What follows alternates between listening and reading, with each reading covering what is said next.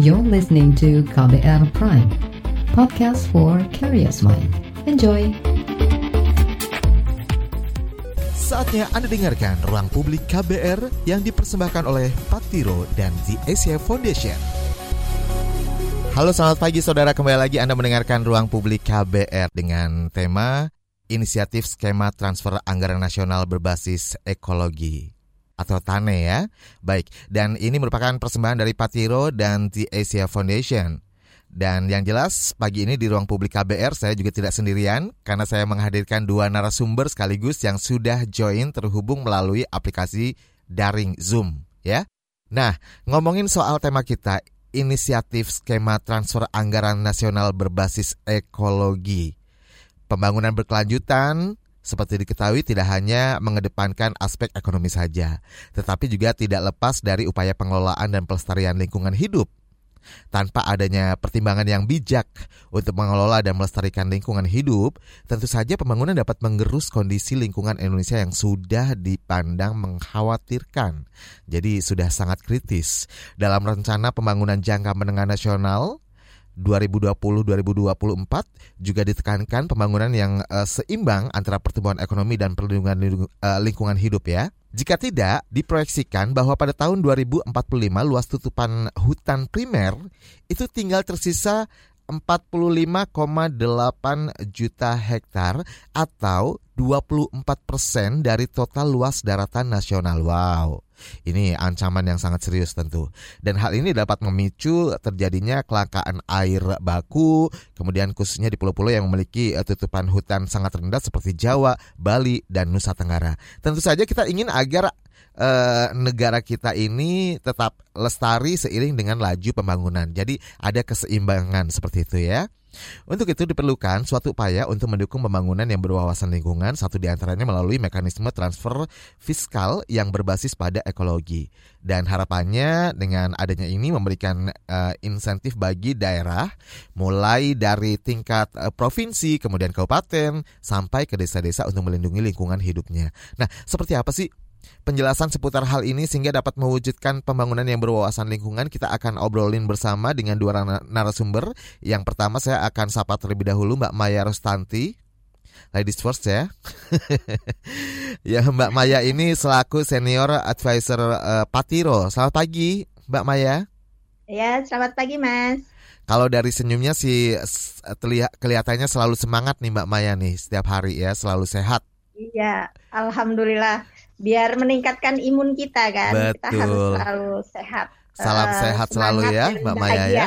Baik. Ya, betul. Dan yang kedua saya juga akan perkenalkan Mas Saiful Muluk, Koalisi Masyarakat Sipil untuk Pendanaan Lingkungan Hidup. Halo Mas Saiful, selamat pagi. Halo, selamat pagi Mas Ijal. Mas Saiful juga sangat ceria sekali ya, colorful pagi hari ini. Baik. Nah, yang pertama saya akan ke Mbak Maya dulu nih. Jadi melalui ruang publik pagi hari ini ini kesempatan yang sangat bagus tentunya untuk menyosialisasikan soal tema kita pagi hari ini yaitu uh, transfer anggaran uh, nasional berbasis ekologi atau TANE ya. Nah, kita boleh kenalan dulu dong apa sih yang disebut dengan TANE ini dan sejak kapan uh, gagasan skema TANE ini digulirkan di Indonesia? Idenya dari mana? Apa yang melatar belakangnya akhirnya muncul ini? Boleh diceritakan nih, Mbak Maya? Ya, uh, terima kasih Mas. Jadi uh, TANE uh, transfer anggaran uh, nasional berbasis uh, ekologis ini adalah uh, gagasan dari kami uh, koalisi masyarakat sipil untuk uh, kemudian me memberikan uh, gagasan kepada pemerintah bahwa uh, pemerintah ini kan memang memiliki uh, banyak bentuk-bentuk transfer ya ke pemerintah daerah. Ada dana alokasi umum, dana alokasi khusus, dana uh, insentif daerah. Nah, di sisi lain tadi uh, Mas kan sudah uh, sampaikan ya, hmm. ada PR-PR kita untuk tetap menjaga kelestarian uh, hutan dan lingkungan hidup kita. Nah, di sinilah kemudian uh, dengan melihat juga pengalaman di negara lain ternyata cukup efektif, maka kami di Indonesia mengembangkan uh, usulan uh, TANE ini. TANE ini uh, sebenarnya pengembangan lebih lanjut dari sebelumnya yang uh, disebut dengan TAPE, transfer dari provinsi ke kabupaten dan juga uh, TAKE dari kabupaten ke desa. Betul, Inisiatif kemarin ini, sudah dibahas itu di Tane, talk show ruang publik juga sebelumnya. Ya, betul. Ya, betul, yang sudah dibahas sebelumnya. Inisiatif ini kami uh, untuk yang Tane kami mulai di awal uh, 2019 seperti itu. Oke. Okay. Jadi tadi disebutkan ya uh, juga sudah uh, apa namanya digulirkan di beberapa negara uh, lain gitu ya di luar Indonesia. Ya. Ini dari negara mana saja nih yang sudah uh, sukses menjadi percontohan mungkin? Ya, ada beberapa yang uh, sering di uh, sharing sebagai praktek baik ya Mas ya. Hmm. Antara lain uh, Brazil itu yang memang uh, dipandang karena sudah ada evidensnya bahwa uh, dengan adanya uh, transfer uh, fiskal kepada uh, apa pemerintah daerah ini memang uh, efektif untuk mempertahankan luas tutupan uh, hutan. Yang lainnya ada ada Perancis, kemudian juga ada Portugal, ada India juga. Hanya memang satu hal yang uh, kami garis bawahi di dalam koalisi masyarakat sipil ini uh, kami mengambil esensinya. Hmm. Uh, nah, kemudian bagaimana pengembangan formula, mekanisme itu tentu saja uh, disesuaikan dengan konteks sistem dan mekanisme yang berlaku di Indonesia. Karena kan di situ ada sistem tata pemerintahan ya yang antar negara tentu saja uh, apa bisa berbeda gitu. Selain itu mungkin dengan karakter masing-masing negara juga yang berbeda-beda seperti itu mempengaruhi juga nggak sih?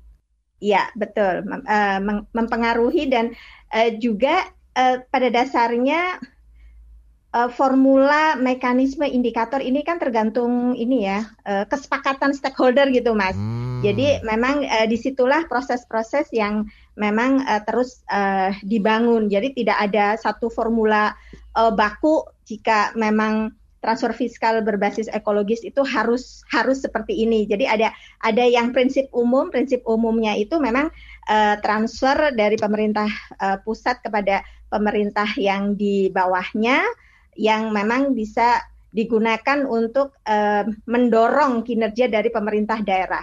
Tapi indikator, mekanisme itu memang sangat terbuka luas di mana itu akan disesuaikan dengan kondisi masing-masing negara. Hmm. Demikian, Mas. Oke, Mbak Maya, boleh ditekankan sekali lagi mengapa penting untuk hmm. mengembangkan transfer anggaran nasional berbasis ekologi atau TAKE ini di Indonesia ya?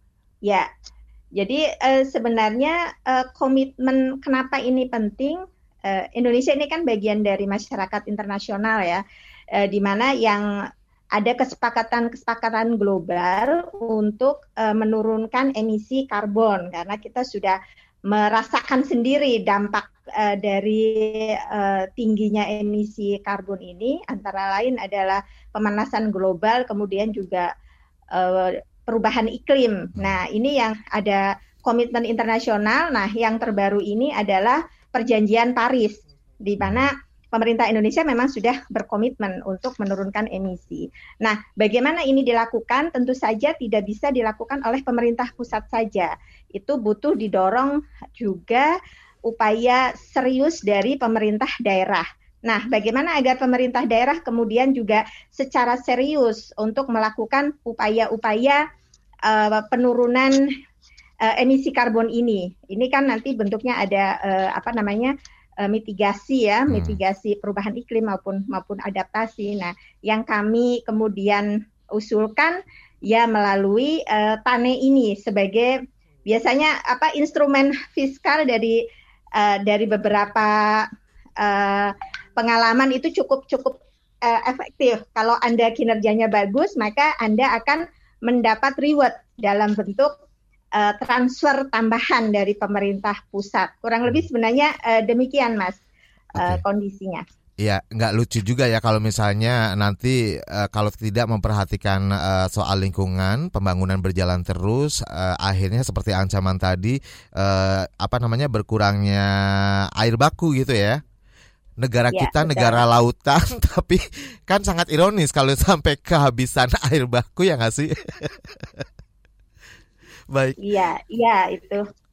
Ya begitu. Nah ini yang awareness ini yang memang harus terus menerus kita kita bangun gitu. Tidak hanya di pemerintah saja, tetapi juga di masyarakat itu. Kenapa kemudian uh, kami juga melakukan uh, kegiatan ini ya bersama KBR di pagi ini. So, uh, kalau soal uh, kesadaran masyarakat terhadap uh, lingkungan dan pembangunan ini, seperti apa sih sebenarnya dari hasil temuan uh, Patiro sendiri selama ini? Iya, kalau dari sisi uh, kesadaran uh, masyarakat ini uh, kan memang ada ada dua ada dua mekanisme ya. Uh. Yang yang pertama adalah masyarakatnya ini uh, memang sadar melakukannya dengan kesadaran sendiri. Hmm. Kemudian yang kedua adalah memang uh, kesadaran atau tindakan yang memang uh, dipaksa karena karena regulasinya gitu. Okay. Nah, kalau dari sisi uh, kesadaran, ya mungkin sebenarnya kurang lebih nggak jauh-jauh ya, seperti yang sekarang ini uh, terkait dengan uh, COVID di, disuruh pakai masker itu kan juga masih banyak juga gitu ya yang nggak pakai masker. Nah kurang lebih kondisinya seperti itu. Okay. Nah di sinilah instrumen kedua, uh, instrumen yang di di level pemerintah ini yang memang juga menjadi menjadi penting gitu. Hanya hmm. tentu saja dengan cara-cara yang persuasif. Nah, okay. salah satu cara persuasif ini ya ngasih uh, reward gitu dibandingkan dengan uh, punishment. Nah, Betul. Nah, kalau tanah ini kan memang dia basisnya reward mas, bukan Betul. bukan punishment. Iya, jadi bukan hanya sanksi saja ya yang diutamakan. Uh, yeah. Baik, dan uh, sekarang saya pindah dulu ke Mas Saiful Muluk nih, Mas Saiful. Apa sih yang menjadi concern dari koalisi masyarakat sipil untuk pendanaan lingkungan hidup? Uh, sebetulnya yang yang kami ya koalisi lakukan terkait dengan dana perlindungan lingkungan hidup ini, ini kalau dikembalikan lagi dengan komitmen pemerintah tadi, ini adalah upaya untuk mendukung pemerintah dalam melaksanakan pembangunan berkelanjutan, gitu ya. termasuk juga upaya menurunkan emisi gas rumah kaca yang sudah jadi komitmen pemerintah, gitu ya uh, yang sudah ditargetkan 29 persen dengan upaya sendiri dan 41 persen dengan bantuan luar negeri pada tahun 2030. Artinya kita punya waktu 10 tahun nih sebetulnya hmm. untuk mencapai target itu. Nah, kami mendorong pelaksanaan apa namanya ecological fiscal transfer EFT atau transfer basis ekologis ini baik dalam bentuk apa namanya uh, tape, take maupun tane yang tadi sudah kita diskusikan di tingkat nasional.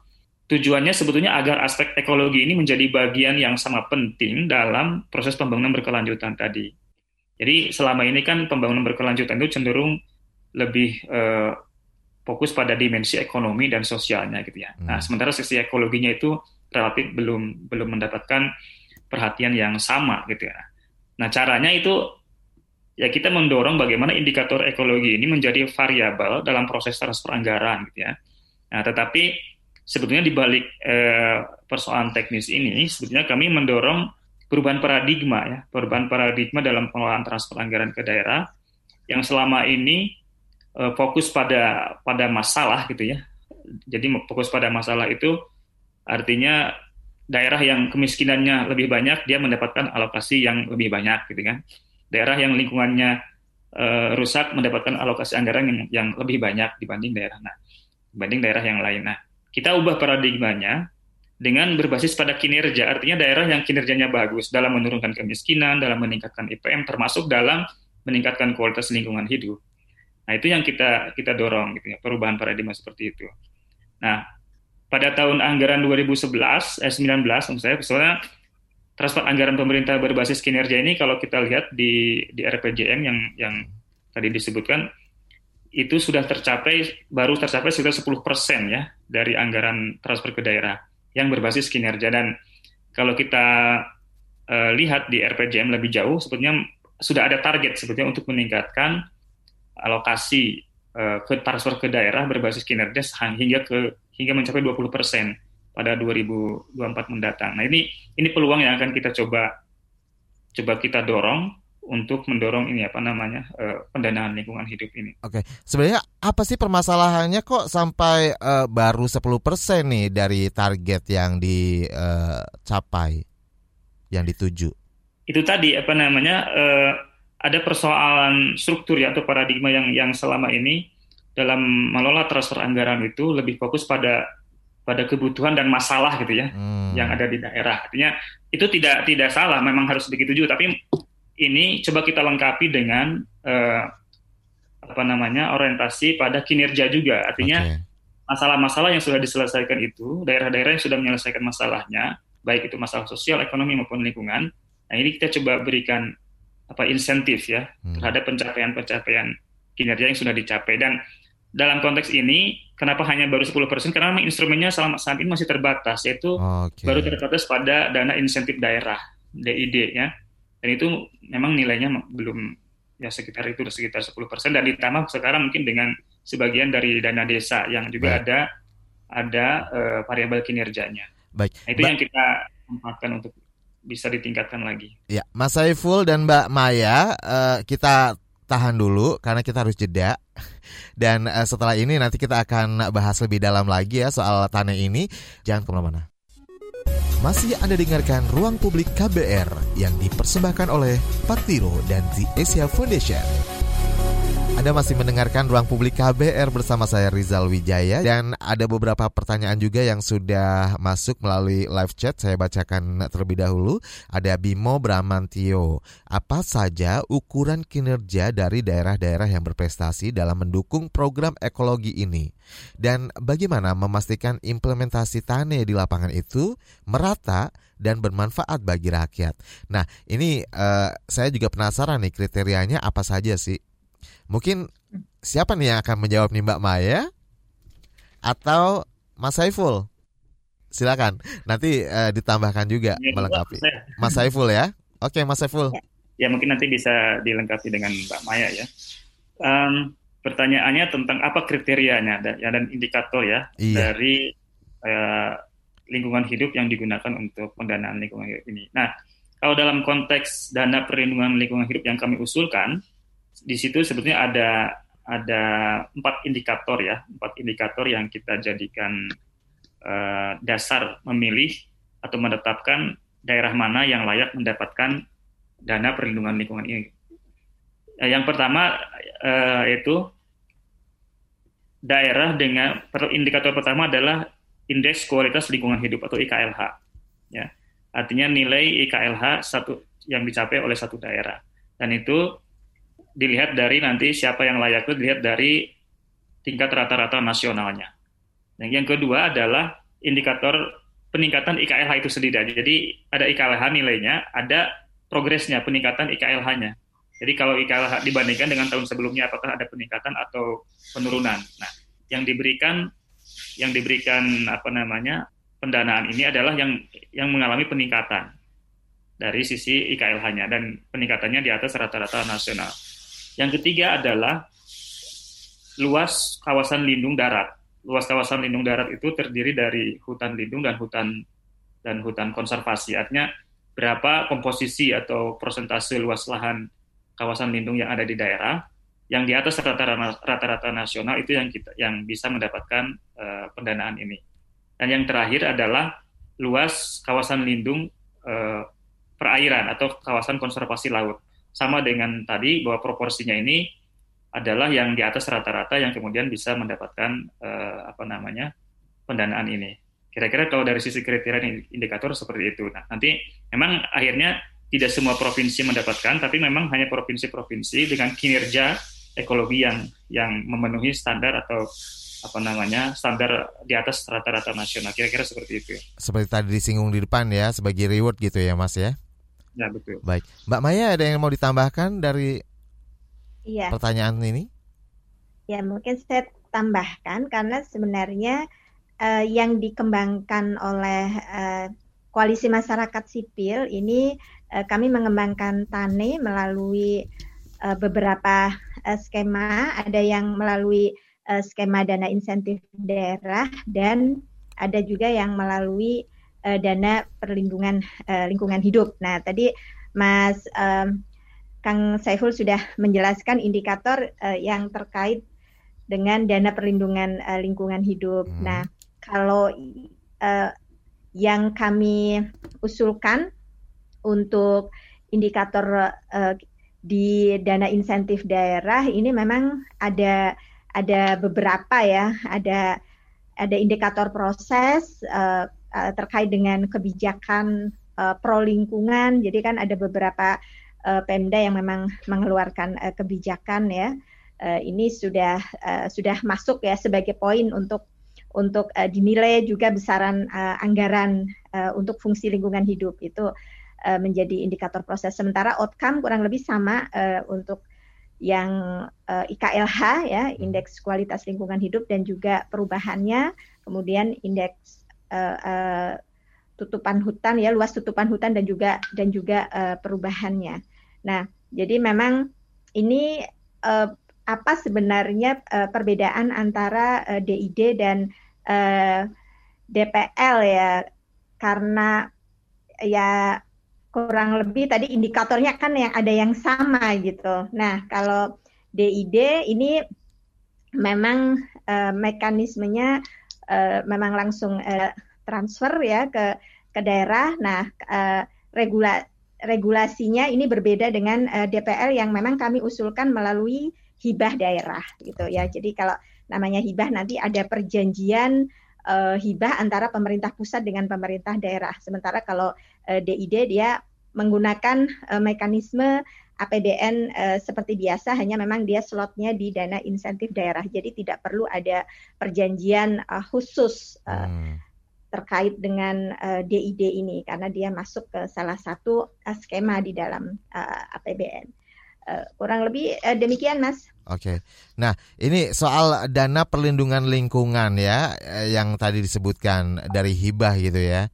Betul ya Mbak Maya ya. Mungkin dari uh, Mas Saiful Muluk nih bisa ditambahkan nih untuk uh, menjelaskan lebih rinci lagi nih mengenai dana perlindungan lingkungan. Oke. Jadi sebetulnya konsep uh, dana perlindungan lingkungan atau yang kita sering singkat DPL hmm. ini sebetulnya merupakan konsep pendanaan baru ya. Artinya memang belum ada selama ini dalam dalam apa namanya uh, instrumen fiskal yang ada saat ini dan sebenarnya DPL ini digagas pertama kali oleh Kementerian Keuangan sendiri yaitu yaitu Menteri Keuangan yang saat itu pada Agustus 2019 meluncurkan konsep ini gitu kan jadi sebetulnya secara definisi apa itu DPL saat ini belum ada ya artinya memang karena belum ada regulasinya ya jadi apa nah cuman uh, kami mencoba merumuskan satu konsep tentang DPL ini berdasarkan konsep awal yang dilontarkan oleh Menteri Keuangan saat itu. Hmm. Menteri Keuangan menyatakan bahwa DPL ini nantinya akan diberikan kepada provinsi, kemudian menjadi bagian dari dana insentif, artinya menjadi insentif gitu ya. Dan lebih bertujuan untuk konservasi lingkungan. Nah, berdasarkan konsep awal tersebut, kami mencoba mengelaborasi seperti apa sih DPL itu. Nah, kita diskusi cukup panjang dan lalu akhirnya mengerucut pada gagasan tentang hibah DPL, lalu hibah dana perlindungan lingkungan hidup. Nah, apa sih sebenarnya hibah DPL? Nah, kami kami definisikan hibah DPL ini sebagai hibah dari pemerintah pusat kepada pemerintah daerah yang bersumber dari penerimaan dalam negeri, dalam hari ini dalam rupiah atau APBN, jadi bukan hibah luar negeri. Kemudian didistribusikan kepada pemerintah provinsi tertentu Artinya memang tidak semua karena memang ada kriteria dan berdasarkan kriteria ekologis tadi, ekologis yang tadi kita sebutkan ada empat indikator tadi. Nah, sebagai bentuk e, kinerja, insentif kinerja dan sebagai atau sebagai kompensasi. Nah, ini memang ada dua konsep yang yang penting di sini, yaitu insentif dan kompensasi. Meskipun secara garis besar dua-duanya insentifnya. Kalau tadi insentif kinerja itu diukur dari seberapa besar peningkatan kinerja yang diperoleh satu daerah itu yang kemudian di, diberikan reward dana pendanaan ini.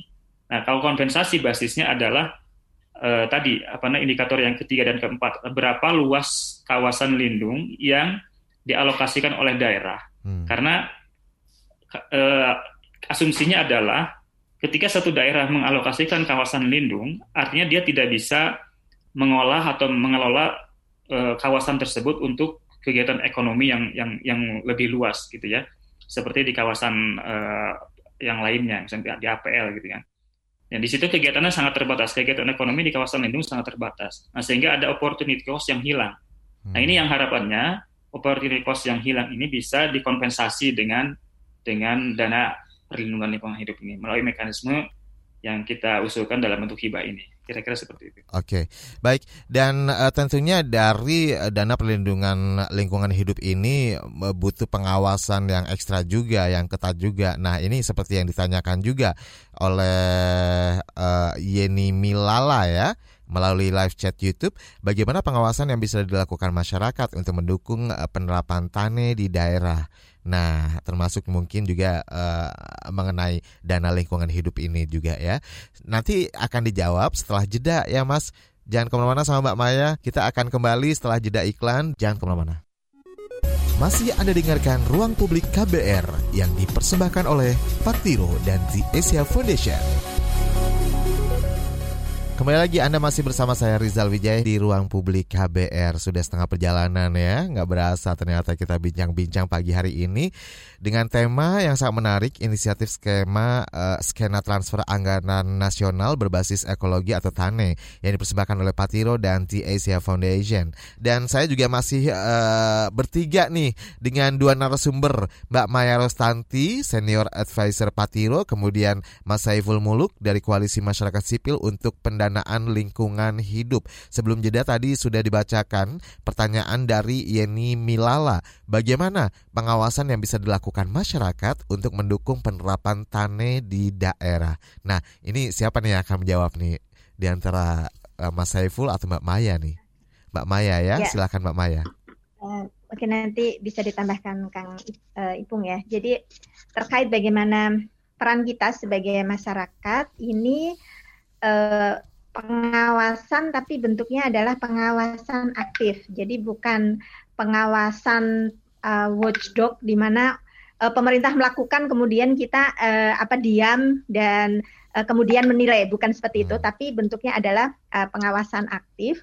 Yang dimaksud dengan pengawasan aktif adalah yang pertama kita bisa mulai dari diri sendiri untuk kemudian uh, sadar terkait pentingnya kita menjaga lingkungan hidup uh, dan uh, hutan kita. Uh, termasuk uh, kelihatan sederhana ya, misalnya penggunaan air di rumah itu tidak boros-boros, begitu juga dengan uh, apa namanya, bagaimana memin meminimalisir penggunaan uh, plastik gitu ya, uh, kemudian juga bagaimana kita bisa mencegah uh, polusi uh, air tidak membuang sampah sembarangan di di sungai misalnya gitu dari ya. hal-hal sederhana nah, ya.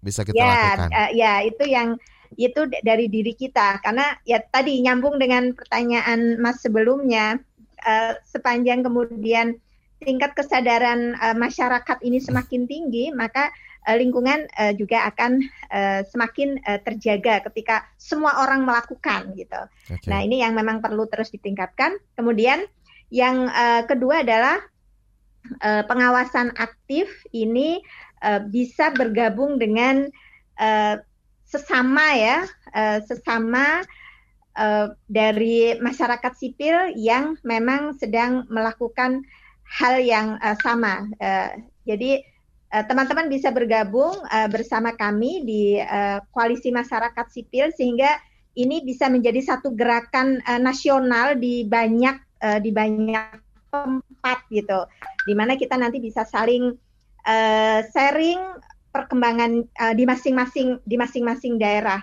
Dan yang ketiga tadi bentuk pengawasan uh, aktifnya ketika sudah uh, bergabung di uh, koalisi masyarakat sipil, teman-teman uh, kemudian bisa proaktif, hmm. uh, kemudian menyebarkan gagasan ini ke pemerintah daerah maupun pemangku kepentingan lainnya di uh, daerahnya masing-masing. Jadi memang ini satu uh, proses yang tadi pengawasan aktif bukan bukan pengawasan pasif. Baik. Uh, mungkin demikian Mas.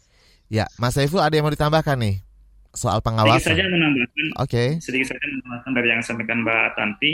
Betul, memang bentuk pengawasan yang kita butuhkan saat ini adalah bentuk pengawasan yang aktif ya. Artinya kita tidak tidak memang memang pemerintah sudah menciptakan mekanisme tata kelola pengelolaan anggaran gitu ya. Tapi tanpa pengawasan yang aktif dari kita kelompok masyarakat sipil itu menjadi kurang maksimal gitu proses pengawasannya. Nah, salah satu tujuan dari koalisi ini juga itu adalah bagian dari proses pengawasan tadi. Selain kita mengusulkan gagasan-gagasan tentang uh, perlindungan lingkungan hidup, tapi juga kita terlibat aktif dalam proses pengawasan nanti dalam pelaksanaannya nanti gitu. Kira-kira seperti itu. Baik, dan uh, ada juga pertanyaan dari Ganda Putra. Selamat pagi Ganda Putra, skema tani di daerah sepertinya akan sangat membantu pembangunan berkelanjutan. Tapi apakah ada masa periode dalam penerapan skema tani ini? Nah, silakan Mas Saiful. Buat nanti kayaknya mungkin. Oke, baiklah. Baiklah. Ya, jadi, ya, jadi uh, terkait dengan tadi pertanyaannya esensinya adalah oh ya ini kayaknya uh, kalau Tane ada ini akan sangat membantu ke daerah. Hmm, betul. Nah, uh, hanya saja memang uh, sekarang uh, kita masih di tahap sangat awal gitu ya. Setelah uh, kurang lebih ini tahap kedua ya. Tahap pertama adalah kami uh, merancang bagaimana gagasan dari uh, koalisi masyarakat sipil terkait dengan Tane. Nah, kemudian tahap kedua adalah kami mendiskusikan ini dengan para pengambil kebijakan di uh, pemerintah karena terkait dengan uh, TANE ini lintas kementerian, setidaknya ada dua kementerian yang sangat terkait, yaitu KLHK, Kementerian Lingkungan Hidup dan hmm. Kehutanan, dan juga Kementerian uh, Keuangan. Sehingga uh, setelah kami berhasil rumuskan, maka tahap selanjutnya adalah uh, kami mendiskusikan, mengusulkan, mendiskusikan gagasan-gagasan uh, Tane ini kepada KLHK maupun Kementerian Keuangan. Nah, sekarang ini uh, meskipun kami tadinya berharap uh, ide terkait dengan Tane ini uh, sudah bisa masuk di APBN 2021, hmm. namun ternyata, namun ternyata kami membutuhkan uh, tambahan waktu untuk bisa meyakinkan uh, pemerintah pusat di KLHK dan Kementerian Keuangan uh, untuk bisa mengadopsi uh, gagasan dari kami. Jadi memang uh, itu uh, prosesnya yang masih uh, kami lakukan sampai sampai sekarang masih diproses untuk uh, bagaimana kami di uh, koalisi masyarakat sipil meyakinkan kepada pemerintah untuk uh, mengadopsi usulan dari kami ini menjadi uh, kebijakan dari pemerintah. Oke. Okay. Jadi karena memang ini masih proses meyakinkan, uh, artinya ya memang belum sampai ke tahap uh, implementasi ya. Jadi okay. memang belum ada uh, katakanlah misalnya di APB APBN 2021 itu memang uh, belum ada anggaran dari uh, APBN uh, kepada pemerintah daerah uh, yang memang dimaksudkan untuk insentif uh, fiskal berbasis ekologis uh, ekologi yang kami kami usulkan. Uh, jadi kurang lebih kondisinya okay. demikian mas ya. progresnya. Nah sejauh ini responnya seperti apa sih pemerintah sebenarnya uh, apa namanya terhadap ide atau gagasan ini? Iya, uh, secara umum uh, uh, ketika kami bertemu gitu ya, secara umum ini uh, sebenarnya sangat uh, merespon gitu ya, uh, sangat merespon uh, secara secara baik gitu. Nah, hmm. Nah, hanya memang kadang uh, kita kan memang berhadapan dengan uh, katakanlah misalnya KLHK ini kan institusinya cukup cukup besar gitu ya satu kementerian yang yang besar. Nah ini kami memang masih proses untuk bisa meyakinkan sampai uh, kepada pimpinan uh, tertinggi dari uh, Kementerian uh, kehutanan okay. uh, LHK ya. Begitu juga dengan yang di Kementerian uh, Keuangan, Keuangan gitu. Ya, ya. Jadi uh, apa namanya proses-proses di meyakinkan ini yang memang terus kami uh, lakukan gitu. Hanya kadang kan memang uh, karena kami juga menyadari kami kan dari luar pemerintahan gitu hmm. gitu ya akan akan beda kalau misalnya itu yang uh, apa namanya yang meminta instruksi dari presiden untuk kemudian ada tane. Nah, itu bisa langsung cepat gitu ya. Ya. Nah, kalau Sekalian curhat nih kan kayaknya. Kan, ya, kalau kami kan karena dari masyarakat sipil gitu sehingga Betul. memang uh, prosesnya jadi ya, memang agak lebih agak lebih panjang hmm. tetapi dari respon sejauh ini kami masih tetap optimis bahwa okay ide ini pada akhirnya nanti akan bisa diadopsi sebagai Har harapannya harapannya kapan nih idealnya yang uh, untuk respon dari pemerintah cepatnya supaya implementasinya bisa cepatnya juga dilakukan. Iya. Kalau uh, kalau bisa secepatnya ya, Mbak ya. Iya, iya secepatnya. Hanya kami juga harus realistis realistis dalam arti gini, tadinya kami memang uh, mengu sangat mengupayakan agar uh, sudah bisa diadopsi di APBN 2021.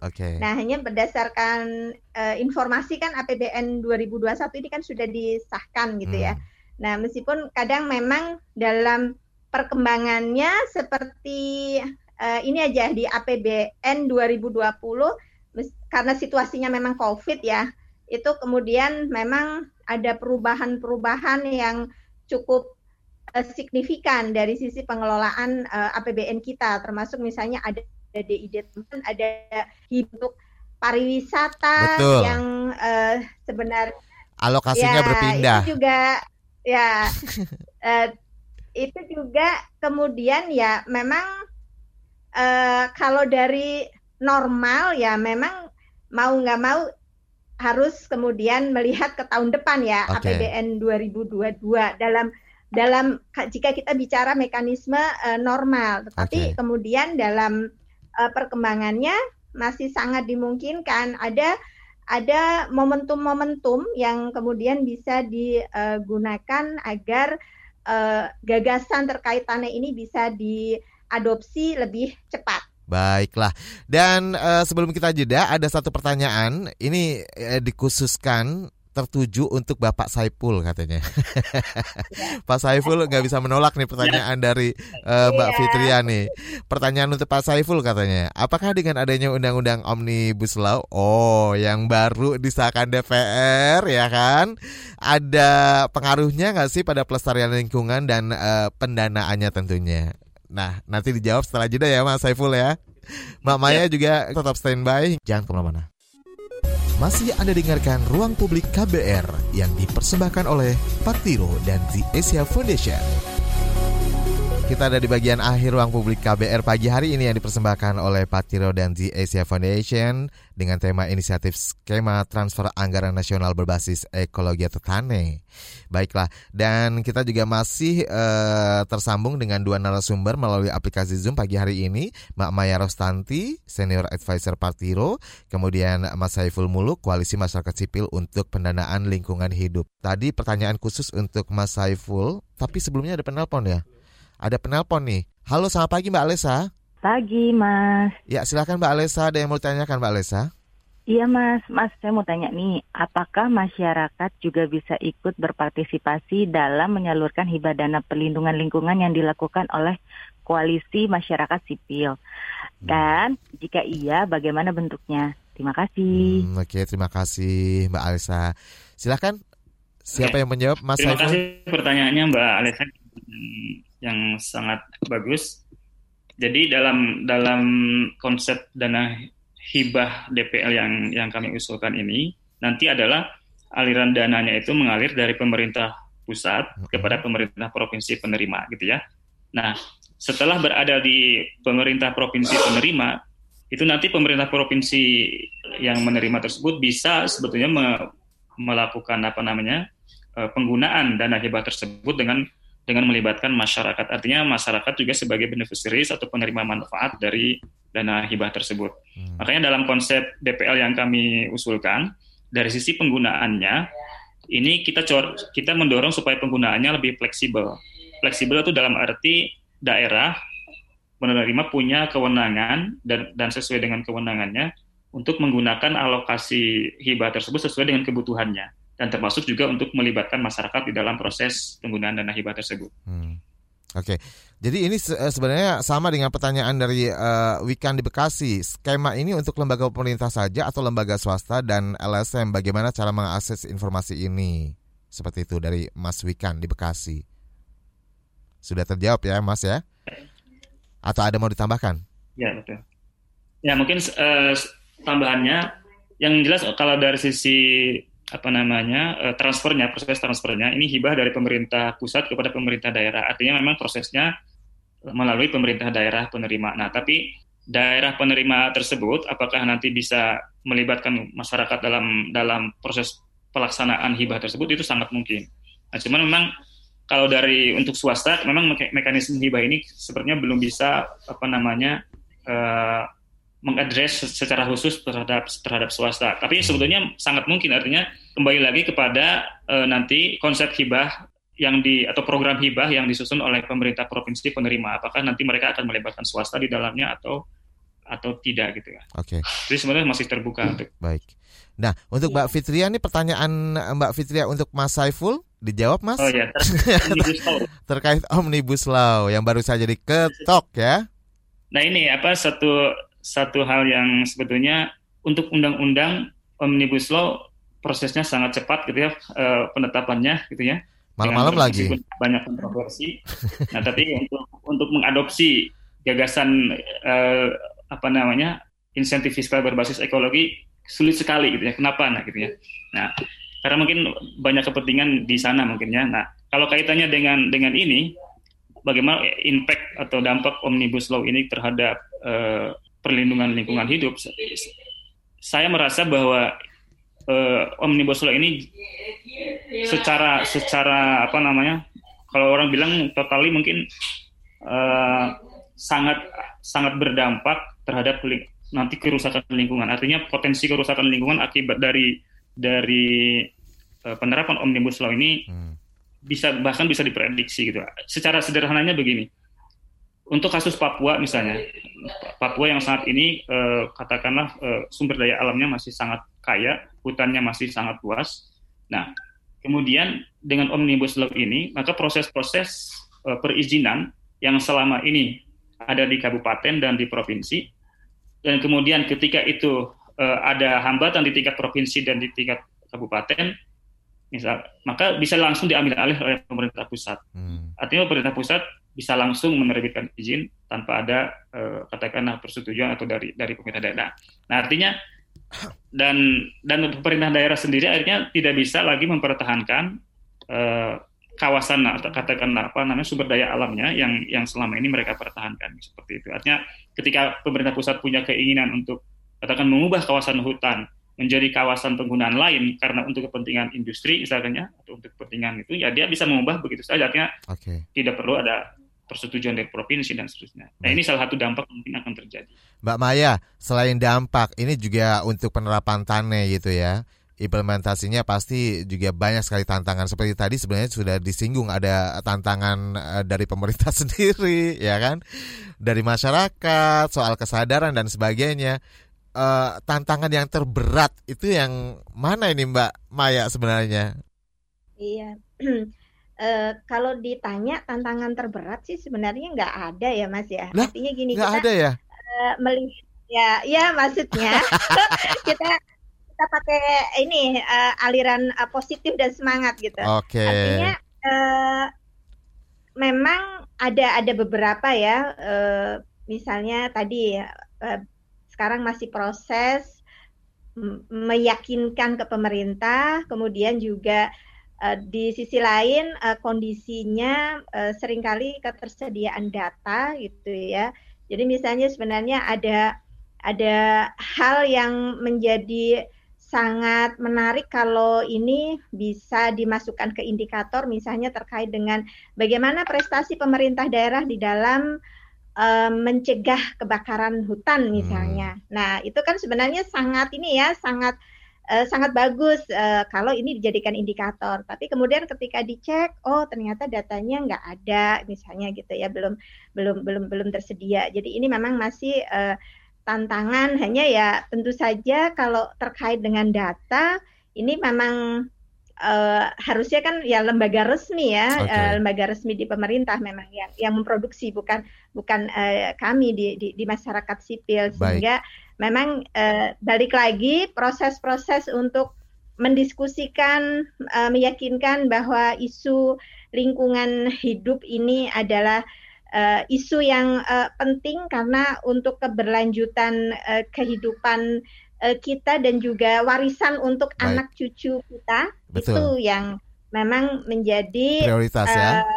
Perlu ya, perlu terus dilakukan. Baik. Seperti itu. Mbak Maya, Mas Saiful uh, closing statement ini uh, saya penasaran deh harapan kepada pemerintah mungkin dari Mbak Maya. Kalau uh, eh, Mbak Maya atau Mas Saiful ya kalau ke pemerintah. Kalau Mbak Maya mungkin lebih ke masyarakat ya. Coba sedikit saja Karena waktunya uh, sudah mepet banget nih. Kalau bagi, dari dari saya mungkin ya, harapan kepada Indonesia lah gitu ya, artinya kita harus uh, optimis ya bahwa ya kita Indonesia bisa mewujudkan apa namanya pembangunan uh, pembangunan yang berwawasan lingkungan, okay. pembangunan berkelanjutan dan, dan salah satu langkah awal yang kita yang kita lakukan adalah bagaimana tadi mengakui Baik. apa namanya aspek lingkungan ini sama pentingnya aspek sosial dan ekonomi ya. yang yang salah satunya kita dorong menjadi indikator dalam transfer ke daerah. Mbak Maya tadi sudah disebutkan sebenarnya ya harapannya ya. Karena waktunya ya. juga sudah mepet sekali nih Mbak Maya. Eh, maaf sekali Mas Saiful, saya harus segera closing nih. terima kasih okay. dan maafkan kalau banyak salah-salah kata juga uh, buat ya. pendengar semuanya juga terima kasih dan salam. Ya. Baru saja Salam. Anda dengarkan Ruang Publik KBR yang dipersembahkan oleh Patiro dan The Asia Foundation. KBR Prime, cara asik mendengar berita. KBR Prime, podcast for curious mind.